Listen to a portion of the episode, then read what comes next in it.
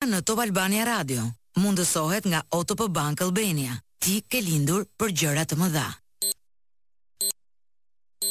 Ora gjashtëmbëdhjetë. Bëje jetën tënde më të thjeshtë. Puno kur të duash, nga ku të duash. Merr smartphone-in apo laptopin që do me kredinë konsumatore nga OTP Bank Albania. Përfito financim deri në dy milionë lekë, duke nisur nga shtatë për qind interes fiks për tre vitet e para. Apliko online apo vizito një nga degët tona dhe fondet mund t'i kesh edhe brenda njëzet e katër orëve. Kjo ofertë është e vlefshme deri më tridhjetë e një maj. Otp Bank Albania, Ti ke lindur për gjëra të mëdha. Power FM.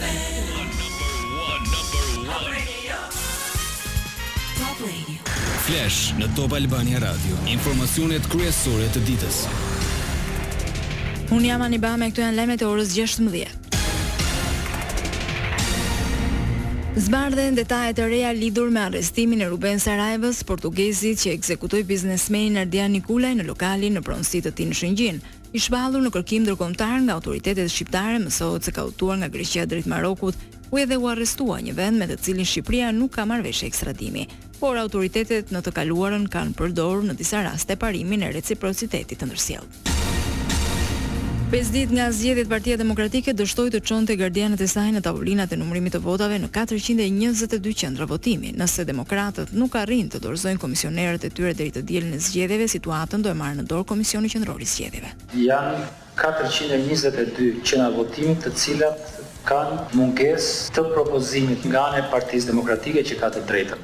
Nëse partitë politike që kanë këtë të drejtë do të dështojnë për të sjellë propozimet, do t'i kalojmë partisë që ka këtë të drejtë të të njëjtit spektër, nëse dështojnë atëherë do të emërojmë kryesisht.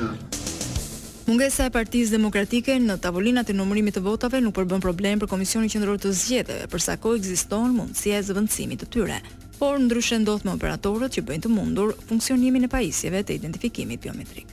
Ky rrezik është permanent deri në në orën shtatë të mëngjesit të ditës katërmbëdhjetë. Procedura ligjore siç dihet është që Komisioni i Qendrës Votimit nëse në orën shtatë të mëngjesit Nuk është paraqitur operatori, e ka detyrimin për të vijuar procedurën pra me regjistrin e zgjedhësve atë fizik. Kryeministri i Shqipërisë Edi Rama ka bërë thirrje për mbështetje për presidentin Rexhep Tajip Erdogan në zgjedhjet presidenciale në Turqi që do të mbahen më katërmbëdhjetë maj. Për Shqipërinë dhe shqiptarët presidenti Erdogan është një mik i mirë i ditëve më të vështira. Kjo thirrje e Edi Ramës u lexua nga Sali Berisha si ndërhyrje e paprecedentë e kryeministrit në zgjedhjet e një vendi që nuk është Shqipëria. Jam sot këtu për të denancuar publikisht ndërhyrjen skandaloze të Edi Ramës në fushatën elektorale të vendit mik Turqisë.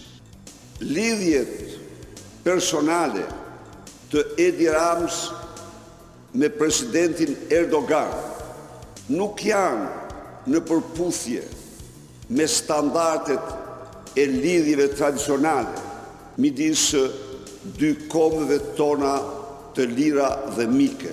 Këto lidhje janë parasgjithash në funksion të pushtetit të njëri-tjetrit.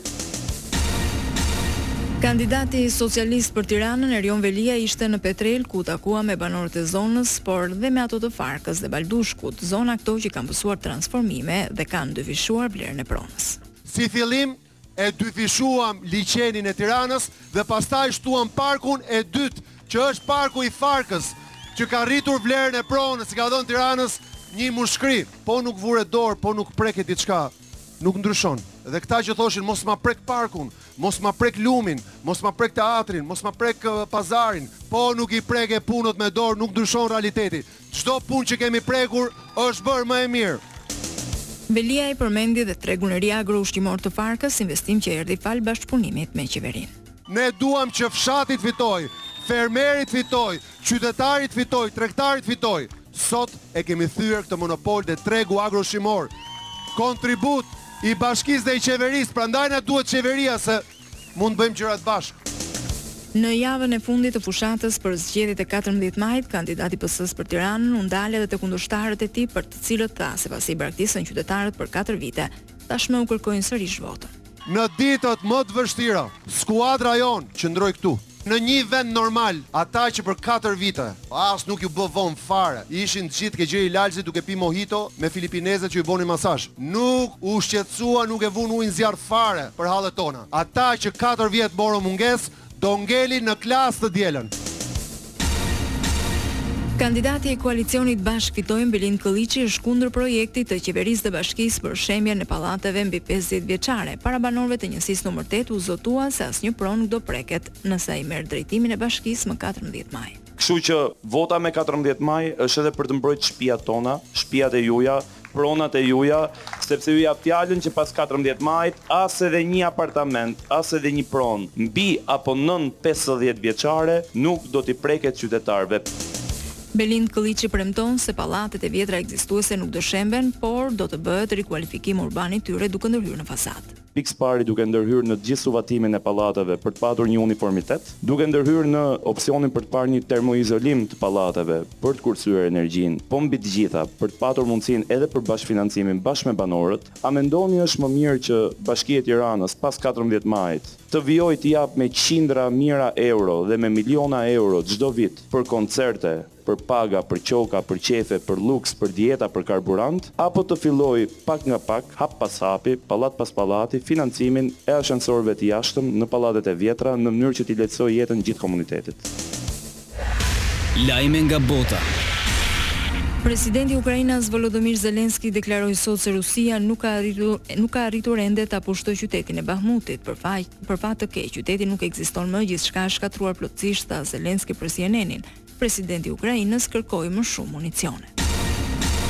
Kancelari gjerman Olaf Scholz i bëri thirrje Bashkimit Evropian që t'i mbajë premtimet ndaj vendeve të Ballkanit Perëndimor për integrimin e tyre në Bashkimin Evropian. Në një fjalim para Parlamentit Evropian për të ardhmen e Evropës, Scholz bëri thirrje edhe për vazhdimin e normalizimit të marrëdhënieve mes Kosovës dhe Serbisë.